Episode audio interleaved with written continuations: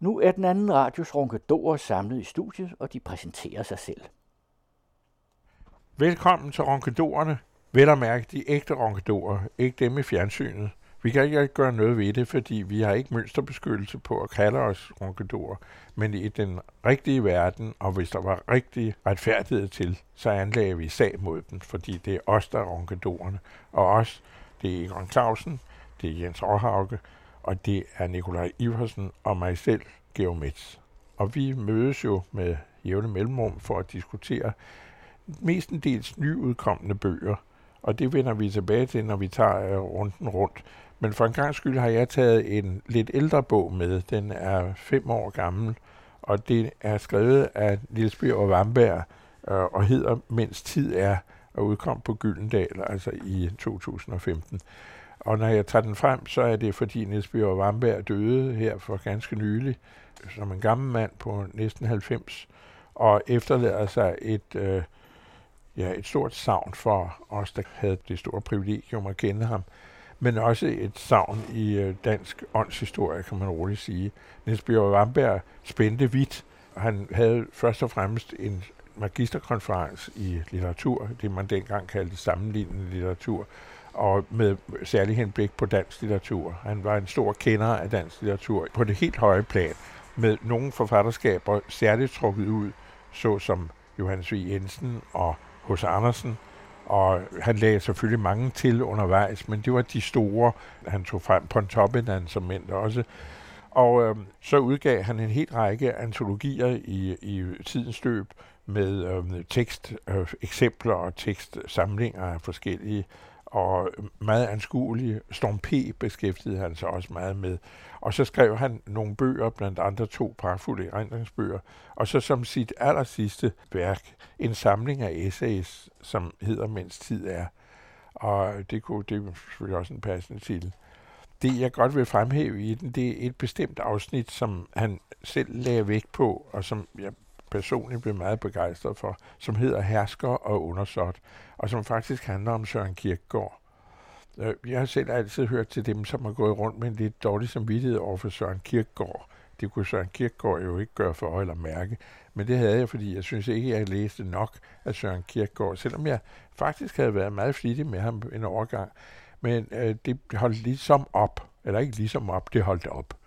Og så kom jeg til at tale med, med Vamberg om det på et tidspunkt, og et stykke tid efter, så øh, skrev han et meget kort men efter min mening meget sigende essay om Kirkegaard. Det er faktisk på 1, 2, 3, 4, 5, 6 sider. Og i det synes jeg, der står det forløsende om Kirkegaard. Meget fint, fordi Vamberg var kritiker. Han var også teaterkritiker i mange år, og lavede i øvrigt i radioen det, der hedder Dramatisk Forum, som vi, der er lidt ældre, kan huske. Jeg sad med ørerne klippet ind i højtaleren, når Dramatisk Forum med Niels Bjørn Ramberg var det, da jeg var dreng. Ikke? Men øh, han var også kritiker i den forstand, at han kritiserede også det, der var leveret af de gamle og af de anerkendte, og derunder også Kirkegaard. Han havde ikke noget benådet forhold til nogen. Han kunne også godt kritisere hos Andersen. Han kunne finde tekster, som var sjusk. Han kunne øh, trække ting frem hos, hos Johannes V. Jensen, som han måske nok mente, at Johannes V. Jensen kunne have beholdt i skrivebordskuffen. Og med Kirkegaard var det sådan, at han lavede en gennemgribende kritik af det, som så blev kondenseret til de her seks sider, som jeg lappede i mig, som en kat lapper piskefløde i sig, fordi det ramte ned i nogle af mine egne forestillinger, måske også mine egne komplekser over for det her meget omfattende og meget svære forfatterskab. Men jeg vil godt fremhæve tre, fire steder, citater, som også viser lidt om Niels Bjørn Vambergs fantastiske stil, hans øh, stilsikkerhed, hans sprog, som var et kapitel for sig. Han skriver for eksempel om Kirkegaard. Ingen har kunnet omtåge en menneskeforstand som han. Ingen har haft held til at fremavle ærefrygt i samme grad, eller blænde, eller løfte sig selv op ved hårene. Men desuden lå det ham på hjertet at figurere som inderlighedens og redelighedens gesandt, gerne med et streg for brorseren i de mest transparente af forkyndelserne. Indsigten og analysen og evnen til at komme alting i forkøbet virker gloriøst i formen, men uden et hvert humant hensyn. Han herser med læseren, insisterer på at være enerverende, tamper løs på et og samme sted i sjælen, så smerten til sidst er udholdelig. Han generer sig ikke for at kime huset ned. Han taler endda i munden på sig selv og udbreder sig undervejs som tavshedens barmhjertigheds gerninger med så lammende en ordmængde, at end ikke tavsheden har kræfter til at gøre sig hørbar. Selvfølgelig griber man ikke her Kirkegaard i at kommandere med sproget. Sætningerne lystrer lige fra begyndelsen, og ordene gør, som han siger. Det har han oplært dem til. Men samtidig skinner det igennem, at stilen, muligvis med et ondskabsfuldt lille grin, udøver et despoti over sin frembringer, nærmest som om det retorisk har i senere hævnet sig på ham. Og verdensvirtuosen Søren Åby Kirkegaard må derved finde sig i at give sig til kende som både iværksætter og offer, hersker og undersåt, arbejdsgiver og træl i det øjeblik produktionsprocessen tager fat. Filosofen Brygner bemærket om Søren Kierkegaard, at hans polemik retter sig imod et hvert forsøg på at forfalske det ubegribelige med at ville begribe det. Og Kierkegaard, der livet ud martredes, er at få sin egen begavelse på hjernen, følte sig i intensiv grad underkastet en styrelse, måske endda en guddommelig myndighed uden for lands lov og ret, en alfader og livgiver, over for hvem han notorisk mente at have uret. Det kan lyde som en absurditet, men for ham var og blev det en velsignelse, og vel også en trøst, og den Gud, som han skrev sig op imod eller ind på livet af, uden at afstanden på nogen måde mindskedes, kan så i kraft af sit væsens uforanderlighed fortsætte med at varetage både øjeblikken og evigheden. Det var bare nogle citater af det her, hvor jeg sad tilbage og tænkte, åh Gud hvad jeg lovet. altså, jeg behøver altså ikke gå rundt med den her evige dårlige samvittighed over, at man måske på et tidspunkt ikke orkede det. Og det er jo sådan set det, det handler om. Ikke? Han svinger sig i trapetsen, som en tarzan, skriver han også et sted, ikke? og i ordenes trapez. Og det jeg vil gerne lige fremhæve som en mene her i den her udsendelsesserie om en meget, meget stor dansk øh, kritiker, og en meget stor dansk øh, stilist, og en meget stor dansk menneske, eller menneske man, man kan jo sige, at øh, Niels Bjerg Amberg med det eksempel der viser sin øh, litterære integritet, at han våger. Ja. Altså, der er jo nogen, der har siddet derude i kammerne der og sagt, hvor våger du at ja, gøre det? det er givet. At man kunne mærke det i den forstand, at der kom aldrig nogen reaktioner på det. Det spurgte jeg ham næsten om, hver gang vi så, snart har du hørt noget? Ikke? Nej, der var ikke rigtig nogen, der... der de turde ikke. Der, der, nej, måske ture. Eller altså, de har følt, at det var under deres... Eller de har måske tænkt, nej gud, altså det er jo kejserens nye klæder om igen, ikke? Altså, vi risikerer at blive fremstillet sådan. Det var nok ikke det, han som dybest set mente, fordi han så også store kvaliteter i det kirkegårdske univers alene mængden, ikke? Og der var selvfølgelig den kunstneriske side af det, som han også lige berører, men som han siger, han kommer til at vise fra sig, fordi han gør også problemer, som er ligegyldige som problemer til problemer. Altså, der er ikke det, som man ikke tager frem, og hvor man siger, må jeg ikke være i fred, ikke? Altså, er det noget nødvendigt, ikke? At, hold nu din kæft, for at sige det rigtigt. Og det er da også det, som det er jo det, Goldsmith gør over for ham, og siger, hold nu op, altså med det der evige terpen løs på de der ting og sager, ikke? Jeg synes, det er meget befriende, men det er nok sigende for miljøet øh, omkring Søren Kierkegaard, at det har ikke været betimeligt at besvare det her.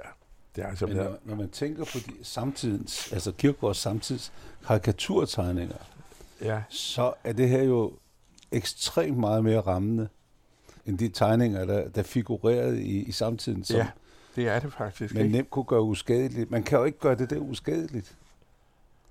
Det er fuldstændig rigtigt.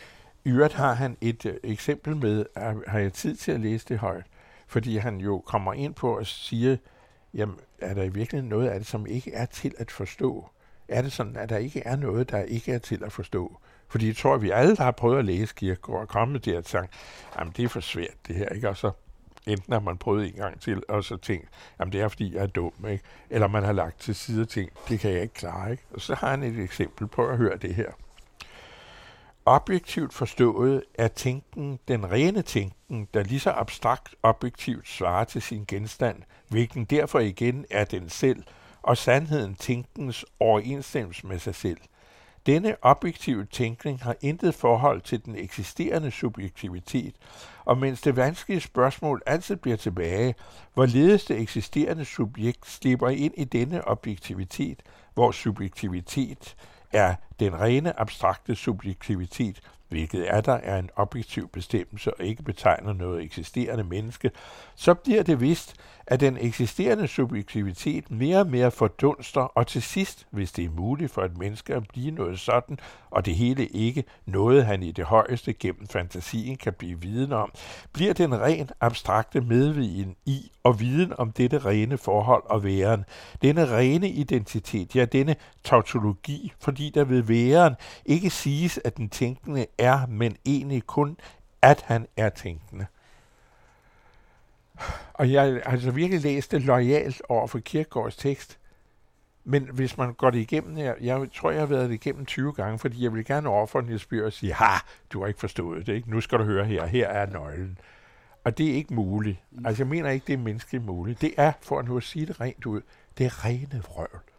Altså det rene lodrette vrøvl. Det minder i formen lidt om Lars Lykkes øh, ja. forklaring på nogen, der får mere eller mindre, ja. og sådan ja. noget, ikke det? Jo, netop, ikke? Ja. Og det, det, det kan man sige, at dem, der beskæftiger sig professionelt kirkegård, skylder sådan set en gennemgang af det uforståelige mm. i det. Ikke? At sige, jamen der, det her, hvis der var en mening med det, så måtte det i hvert fald kunne udtrykke klarere. Ikke? Hvordan karakteriserer uh, Niels Bjørn Barnberg så det der Jamen, han bruger det som eksempel for, for det, det ene citat, jeg brugte, hvor han siger, at han generer sig ikke for at kime huset ned. Ja. Han taler endda i munden på sig selv og udbreder sig undervejs som tavshedens barmhjertighedsgerninger, med så lammende en ordmængde, at ene ikke tavsheden har kræfter til at gøre sig ja, ja, hørbar. Okay, ja. Kolon. Og så kommer og den så kommer her der, ja. klamamse. Han springer lidt hen over det, fordi det er ikke umagen ved at sige, at det er uforståeligt. Det er uforståeligt. Ja. Jamen, det, er da, det er da morsomt. Så altså, som sagt med disse ord har jeg ristet en rune over min, min kære, kære uh, ven, Niels Bjørn Ramberg, som altså uh, efterlever sig de her tanker. Og jeg vil sige, at det er ikke den, det, hver eneste essay er værd at læse og lære. Det er fremragende. Det er noget af det bedste, der er skrevet på dansk i, ja, i vores levetid, vil jeg sige. Jeg, jeg vil godt prøve at tage over. Ja, værsgo. Fordi jeg tror, jeg har den næstældste udgivelse. men, men den er ikke lige så gammel. Den er fra 2018. Men øh, den er skrevet af, af to dansk mennesker, Anne-Marie øh, Christensen, som er på syddansk, og så øh, Tony Andersen, eller Tony Andersen, som er øh, lektor på Odense Katedralskole.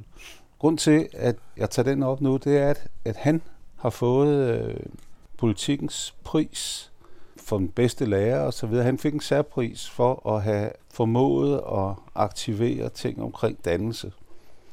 Og han har været med til den her bog, øh, som prøver at sætte nye perspektiver på gamle historier. Det er Andersen, de tager op. Og øh, de fleste af os har ganske forudfattede meninger om, hvordan man fortolker Andersens eventyr. Katrine Lillør har prøvet at lave en speciel religiøs tolkning af, om der er nogen, der har været inde på andre dimensioner, men først og fremmest så er der en konsensus om, hvordan han skal fortolkes, i hvert fald i uddannelsessystemet. Og, og det er jo ret interessant, fordi det er uddannelsessystemet, der stort set konstituerer den kanon, der eksisterer i Danmark. Ja. Så kommer de her og lægger et etisk filter ind over Andersen. Og det virker faktisk ret godt. Jeg har gået rundt i Lissabon med et barnebarn og haft anledning til at snakke om nogle af de her uh, Andersen-tekster i det etiske perspektiv. Det første vi gjorde, det var selvfølgelig, at vi kom over til det monument, der er i Lissabon over brolæggerne, øh, som har lagt alle de her millioner af små marmorfliser på alle fortovene i Lissabon. Og øh, der fortalte han så eventyret om jomfruerne, altså det, der hedder to jomfruer. Og det er jo et fantastisk eventyr, som egentlig er en petitesse, hvis man ser på H.C. Andersens forfatterskab, tror man. Men her viser det, at, at det faktisk rummer rigtig mange ting fordi øh, de to jomfruer får af deres ejer på et tidspunkt navneændring, hvor deres ejer beslutter, at de skal hedde stemplerne. Og det får katastrofale følger, fordi øh, den ene af dem, den yngste jomfru, er forlovet med rambukken. Og han gider ved Gud ikke være forlovet med et stempel, så derfor så slår han op. Og da jeg fortalte det her, så siger øh, mit barnbarn, som jeg er sammen med, det er ligesom, når nogen kalder os numre. Det er jo egentlig forbløffende at se, hvor meget navngivning betyder. Alle navne betyder noget smukt. men at der er nogle ting, man ikke kan hedde. Altså for eksempel et nummer, det er jo kun der, hvor man skal sætte folk til noget ubehageligt, man giver dem numre, eller der, hvor man skal overvåge dem, de får numre. Derfor er det jo påfaldende, at uh, CPR-nummersystemet i Danmark blev indført på H.C. Andersens fødselsdag i 1968. Det, det er, er dobbelt ironisk, at, at frihedsbevægelsen i 68 var samtidig med det totale kontrolsystem, og, og, og mennesket blev erstattet af tal på H.C. Andersens fødselsdag. Kom så. Men i alt fald, så ligger den historie, og så tror man, man har fået på det, indtil H.C. Andersen opløser den her enkle sandhed ved at ændre betydning, fordi pludselig får de to stempler, de får deres navn tilbage, fordi de føler sig, selvom de hedder stempler, føler de sig som jomfruer. Og det betyder de, at de har bevaret deres jomfrustand, men de har måttet give afkald på livet. Så bliver det pludselig svært. De etiske dilemmaer, de peger på her. Det andet, som vi tog op, det var svinedrengen, som jo også er en fantastisk historie, som alle, hvis de skulle lave en multiple choice fortolkning i grundskolen i hvert fald, så er der ingen tvivl om, at helten er kunstens øh, vogter, det naturlige vogter, nemlig svinedrengen, og, og tåben, det er prinsessen, som ikke fatter en brik af livets storhed. Men i den her fortolkning, der ser man en mand, der ikke tager et nej for et nej, men bruger alverdens narrestreger for at øh, komme i lag med pigen i stedet for. Og øh, det lykkedes ham, selvfølgelig. Hofdamerne, de danner så mur om prinsessen, da han endelig får trængt sig og møde sig ind på hende. Og inden for den mur, som godt kan betragtes som hendes pigeværelse, der kommer så pludselig hendes far og møder ind på hendes område og, og belurer hende. Og det var fuldstændig grotesk, at man skal have lov til som, som forældre at, at snage i, hvad der sker på teenageværelset. Og hvad der er endnu værre, det er, at faren, på grund af det han opdager, så smider han hende ud sammen med svinedrengen. Men vi ser altså en, en historie, hvor det er svinedrengen, der er svinet, og hvor hun er mere eller mindre et uskyldigt offer, som faren så reagerer på ved at øh, straffe hende, fordi hun er offer. Så de der øh, forvridninger, de er ret fantastiske. Og det, der så sker i den her bog, det er selvfølgelig, at de fortolkninger præsenteres i det etiske perspektiv, men så er der en, en lang række paralleltekster af ældre dato, af nyere dato og af nutidig dato, som ridser det op. For eksempel historien om stemplerne, og, eller de to jomfruer. Den paralleliseres med en kirkegårdtekst om sorgen over tabet af menneskelighed. Den paralleliseres med øh, George Orwell, og den paralleliseres med øh, Klemperers påvisning af det tredje rige sprog. Så på den måde får vi altså en lang række af H.C. Andersens kendte og et par ukendte eventyr, dem får vi øh, endevendt i et etisk perspektiv, som, som gør, at H.C. Andersen havde aldrig selv drømt om, at de skulle læse sådan selvfølgelig. Men en god ven, Oscar K., siger, at det er jo fordi Andersen har så store kvaliteter, at de kan læses så nutidigt.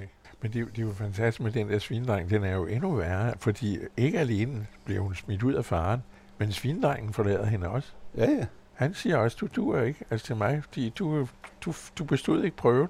Ja. Den er jo utrolig grov. Jamen, vil, vil du holde fast på en pige, du havde kunnet til at komme sammen med dig? Det er jo sådan et spørgsmål, som uh, øh, W.C. Fields, ikke? eller hvad hedder det, Marx Brothers. Ja. Nej, det vil jeg ikke. Nej, men det er jo fantastisk. Ja. Ja, han, er, han er også går. Ja. ja. Det er faktisk en fantastisk lærebog, fordi den får en til at sidde og synes, at, at man har været en nar over, at man altid har læst H.C. Andersen på en bestemt og ret lukket eventyrmåde. Hvor mange, hvor mange eventyr øh, analyserer de på den måde? Og jeg tror, det er 10. Jeg skal, ja, 10. Det er um, den lille pige med svoglstikkerne, svinedrengen, hørte ind, når skorstensfaren hjertesov, sneglen og rosenhækken, historien om min mor, det gamle hus, den sendhaftige tinsoldat, to jomfruer og græntræet. Og man kunne maligt øh, gå på biblioteket og låne den bog, øh, hver gang den anden radio har en af Carsten Farhavs fremragende oplæsninger, eller vi har de gamle oplæsninger af H.C. Andersen i nogle af de gamle oplæsninger, som kommer med jævn mellemrum, der kan man jo høre på oplæsningen, at den er tolket traditionelt. De savler simpelthen over de traditionelle opfattelser, nogle af de der gamle skuespillere. Og der er det jo sjovt at sidde, haha, vi ved bedre. det er fint. Jeg tror, jeg tror, okay. Det minder mig om, at jeg hørte inden af Skorstensfejren. Jeg skulle engang være oplægsholder på Skorstensfejernes årsmøde i Tønder. De har et hus i Tønder. Og da jeg så havde fået aftalen med dem, når jeg skulle komme der, så sagde jeg ham, der havde lavet arrangementet, Skorstensfejren, næstformand, han sagde, at vi glæder os meget til at se dem. Jeg vil sige dig en ting, at hvis du fortæller en eneste vidighed om ført inden og skorstensfejren, så får du røgfuld. og så kom du i klædt tyskere. Jamen, jeg, havde, jeg havde allerede 10 parat. Nikolaj i høsten. Ja, her handler det jo øh, også om nogle ofre, om øh, et stykke Danmarks historie, og også et, øh, jeg har nemlig taget to bøger med, også en, en, et stykke svensk historie. Danmark først. Det er en af disse bøger fra øh, Aarhus Universitetsforlag, som jo udgiver utrolig spændende ting. De har en serie, der hedder 100 Danmarks historier. Den er øvrigt et par år gammel, men alligevel. Cecilie Bønnelykke, der er, i hvert fald da bogen blev udgivet, var hun øh, inspektør på Langelands Museum. Hun øh, har skrevet en bog, der hedder Sædelighedsfejden. Og alene det at det, der er jo meget salg i, for dem, der i øvrigt forstår, hvad, hvad der menes med sædelighed. Der er jo nogen, der ikke forstår, hvad sædelighed overhovedet er i dag, men øh, lad det nu ligge.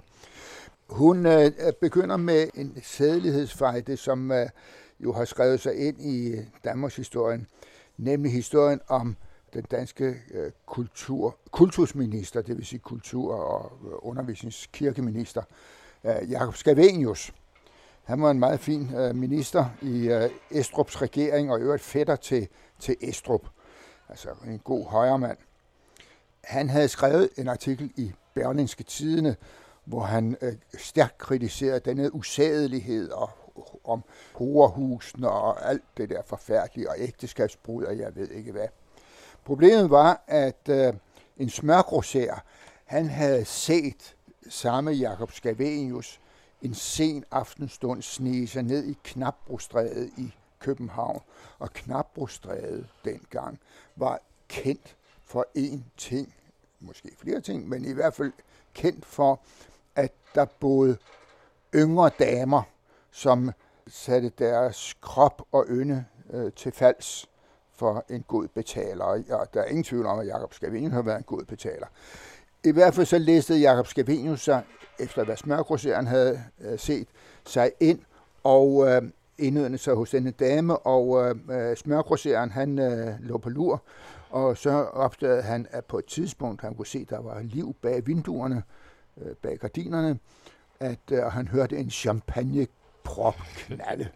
Og det var vist ikke det eneste knald, der var der, men øh, så efter en halvanden times tid, så sne kultusministeren så ud igen og øh, forlod for at tage hjem til sin hustru eller hvem det nu var. Han, han var jo herremand dernede på Gjordslev øh, Gods nede på, på Stævns. Han blev godt nok noget opbragt, ham smørgrosjern, især da han havde læst det der, han havde skrevet i Berlingske Tidene. Og da øh, Scavenius så skulle på et opstillingsmøde hos, hos øh, de konservative, altså hos Højre, nede i Storhedinge, så troppede han op smørgrosjern. Og så lavede han det, man dengang, og måske nej, det, man bruger ikke udtryk, men han lavede en interpellation, og det vil sige, at et, et indlæg, han bad om ordet simpelthen.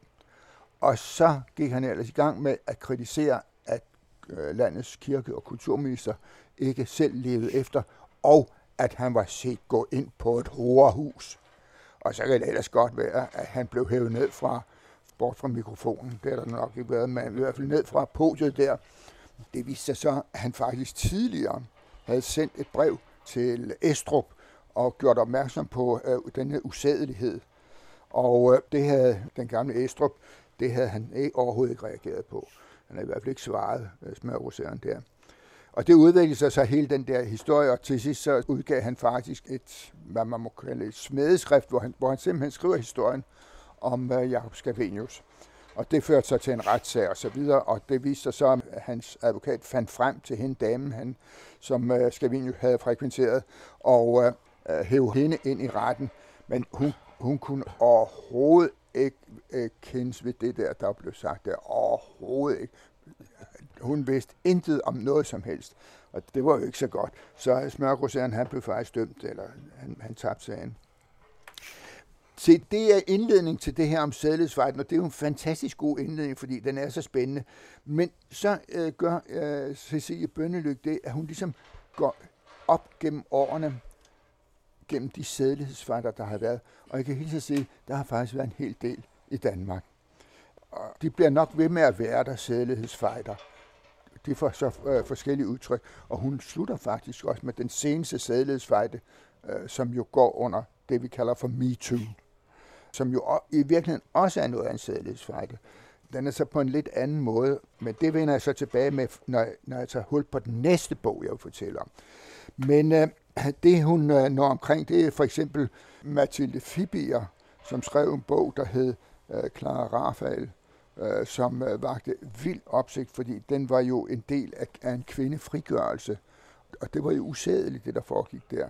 Og øh, der kom så andre, at øh, der blev en krig ud af det øh, med Bjørn Stjerne Bjørnsson. Han skrev et øh, skuespil, der hed Hansken, hvor han af alle, så Bjørn Stjerne Bjørnsson, som ved Gud i himlen ikke holdt sig på Morten, kan jeg helt så sige, øh, med sine mange udflugter til Paris, hvor han øh, taler om, om en, en, en mand, der er sin kone utro, og hvor konen så smider en handske i ansigtet på ham og forlader ham. Og, fordi, og, sådan. og det øh, synes Bjørnstjerne Bjørnsen var så fint. Og øh, flere andre går, går så i, i rette med Bjørnson, blandt andre en af øh, Gerard Mets yndlinge, nemlig Gerard Brandes. Og øh, du, du kan hele den der historie sikkert også. Og sådan går vi igennem alt, hvad der har været af sædelighedsfejder i, i Danmark. Jeg kan anbefale det meget, fordi øh, den kommer vidt omkring, og øh, står for så vidt i gæld til et kæmpestort værk, som Elias Brestoff skrev for mange år siden. Litteraten, øh, som jo i øvrigt øh, var, så vidt jeg husker, professor ved øh, Cambridge. Og han, han skrev øh, for, det er jo 50 år siden næsten, han skrev øh, en bog, der hedder Den store nordiske krig om seksualmoralen. Den er ikke til at opdrive, kan jeg hilse sige i dag, Øh, men øh, den kan nok lånes på biblioteket, og jeg vil absolut anbefale den. Den er, det er et stykke dansk, eller nordisk historie, og den er vanvittigt underholdende, død spændende. Man slipper den simpelthen ikke. Det var bare en anbefaling. Nu vil jeg gå til min, den næste bog. Der er vi sådan lidt inde i det samme. Den er skrevet af en svensk journalist, der hedder Matilda Gustafsson.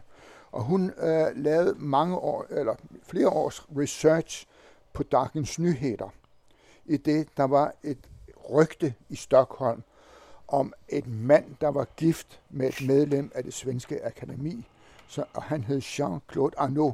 Han gik under navnet Kulturen. Og det viste sig, at denne Jean-Claude Arnaud, som øh, havde øh, fri adgang til øh, det svenske akademis øh, lokaler, det viste sig så også, at han troede, at han havde fri adgang til alle kvinder, der overhovedet kom i nærheden af det svenske akademi og øh, han forgreb sig på dem, og han øh, var øh, simpelthen ufattelig ubehagelig og kedelig. Men af en eller anden grund, så var der nogen, der blev charmeret af ham, og nogle kvinder havde så forhold til ham øh, mod deres vilje, og øh, mange vidste, og ingen gjorde noget, og øh, mange vidste også i det svenske akademi. Men han var gift med en af de fremtrædende medlemmer, en, en stor svensk lyriker. Hun vidste også, og gjorde ikke noget ved det, og øh, alle vidste og øh, han øh, forgreb sig også på øh, de økonomiske midler, der var i akademiet. Det undersøgte hun, og så efter lang tids research, så offentliggjorde hun det i Dagens Nyheder og så kan det ellers være, at fanden var løs i Laksegade. Og det betød jo kæmpe problemer i det svenske akademi. Flere medlemmer, de, de kom op og skændes og slås, næsten slås.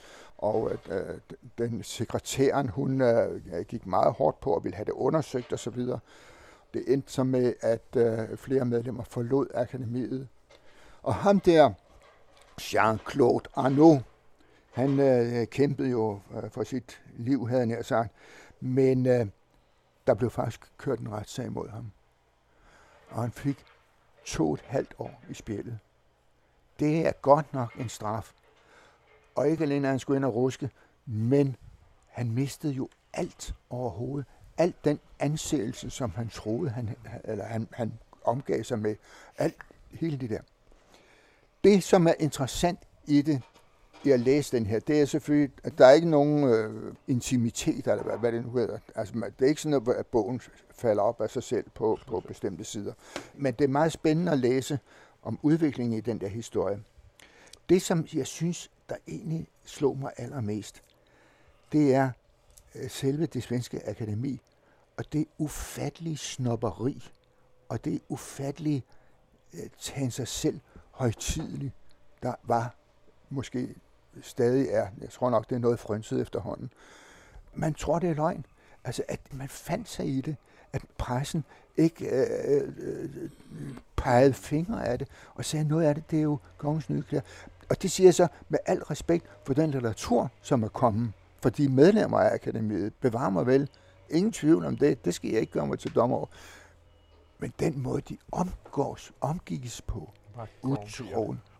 Mark korrumperer som bekendt. Ja, Mark. Kære, kære Nikolaj, det er så sødt at sidde og høre på dig her, hvor du er vel nok naiv, og også egentlig uvidende om, hvordan systemerne, i hvert fald i den kulturelle verden, fungerer.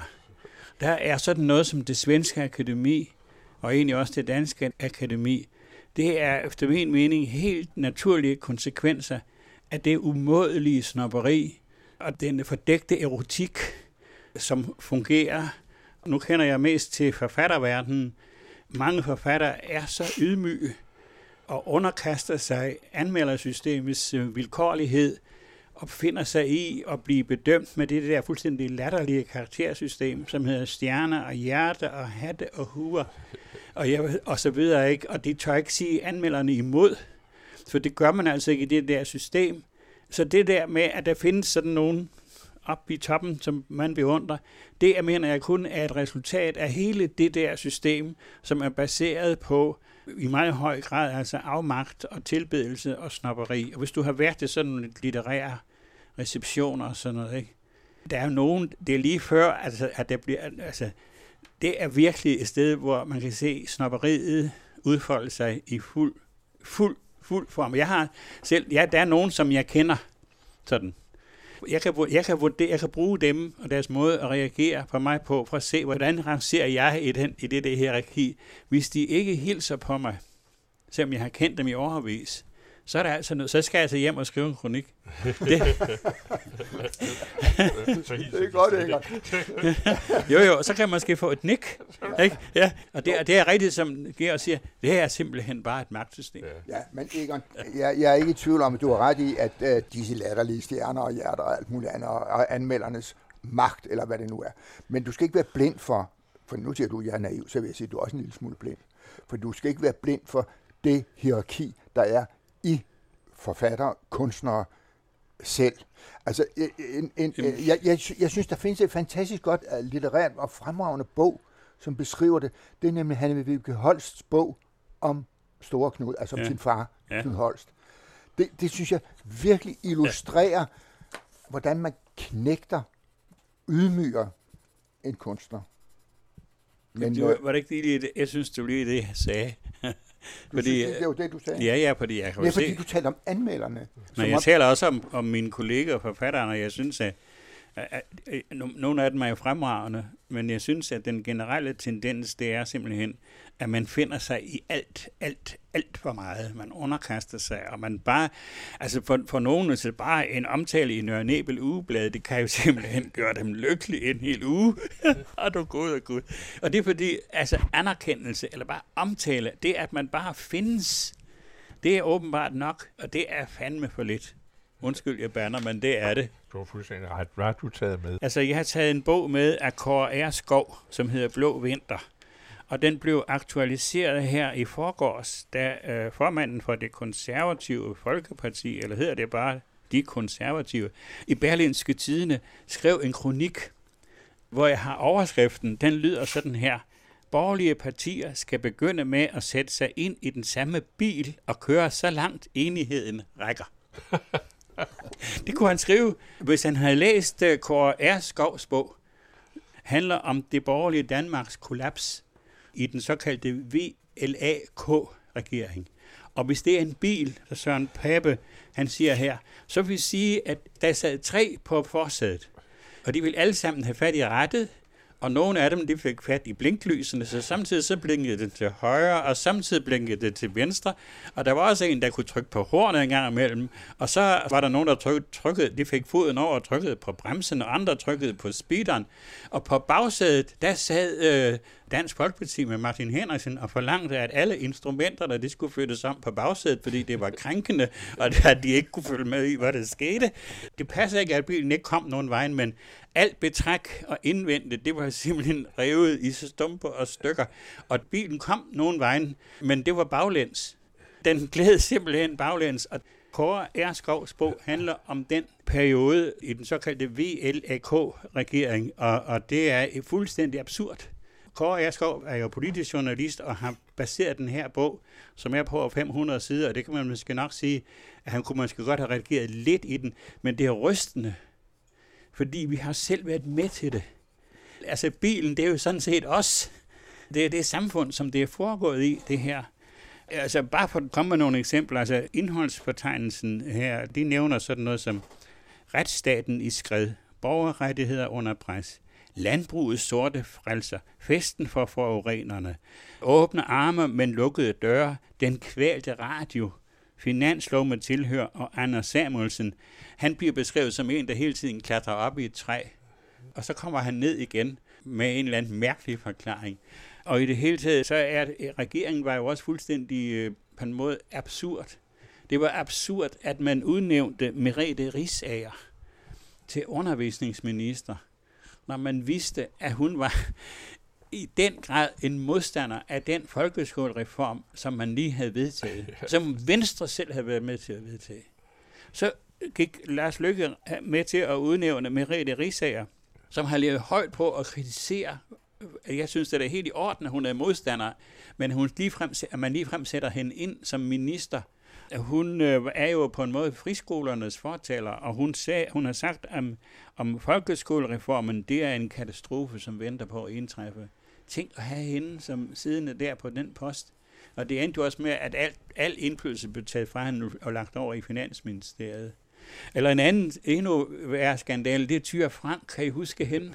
Hun blev udnævnt til minister, fordi hun var, der var et eller andet i, i Ekstrabad, eller sådan, de synes det var så godt, at hun gav de gamle snaps, og, og hun fulgte ingen regler på det plejehjem, hun bestyrede.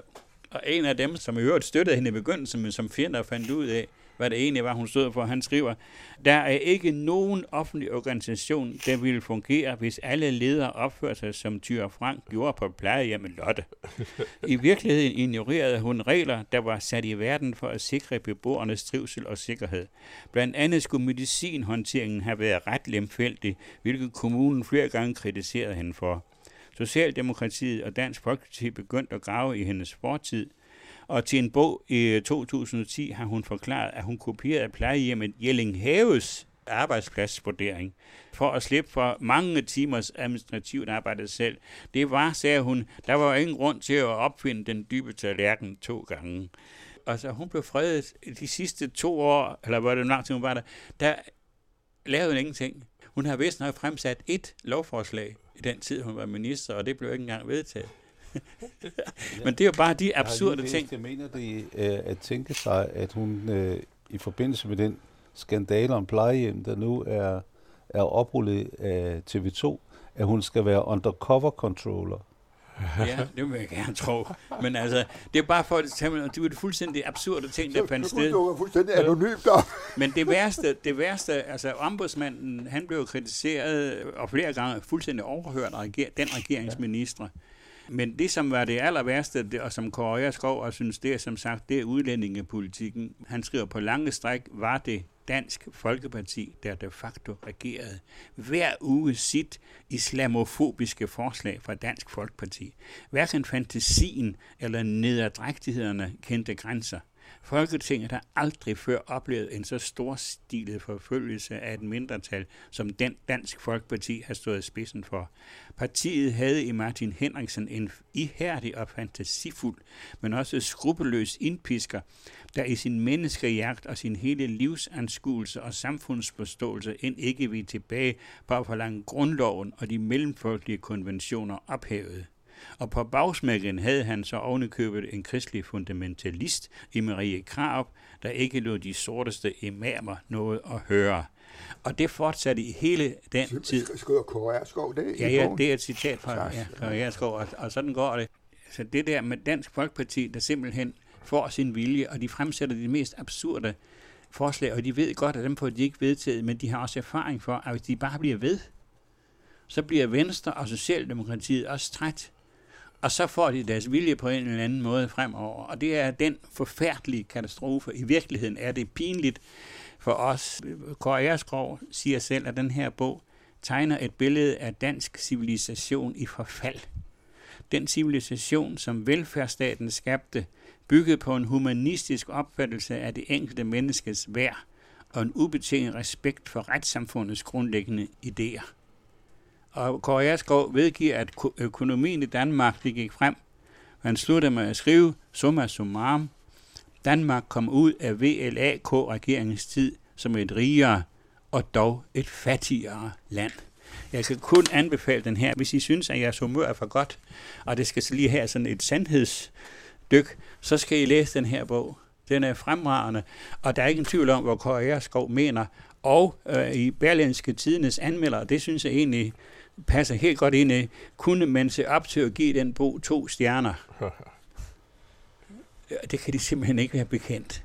Men de følte åbenbart, at et eller andet mærkeligt forsvar for den her elendige, fuldstændig pinlige og platte VLAK-regering. Men blå vinter er et, er et rigtigt udtryk, og jeg synes egentlig, at det som øh, Søren Pape, han kalder det borgerlige parti, at de skal sætte sig ind i den bil igen.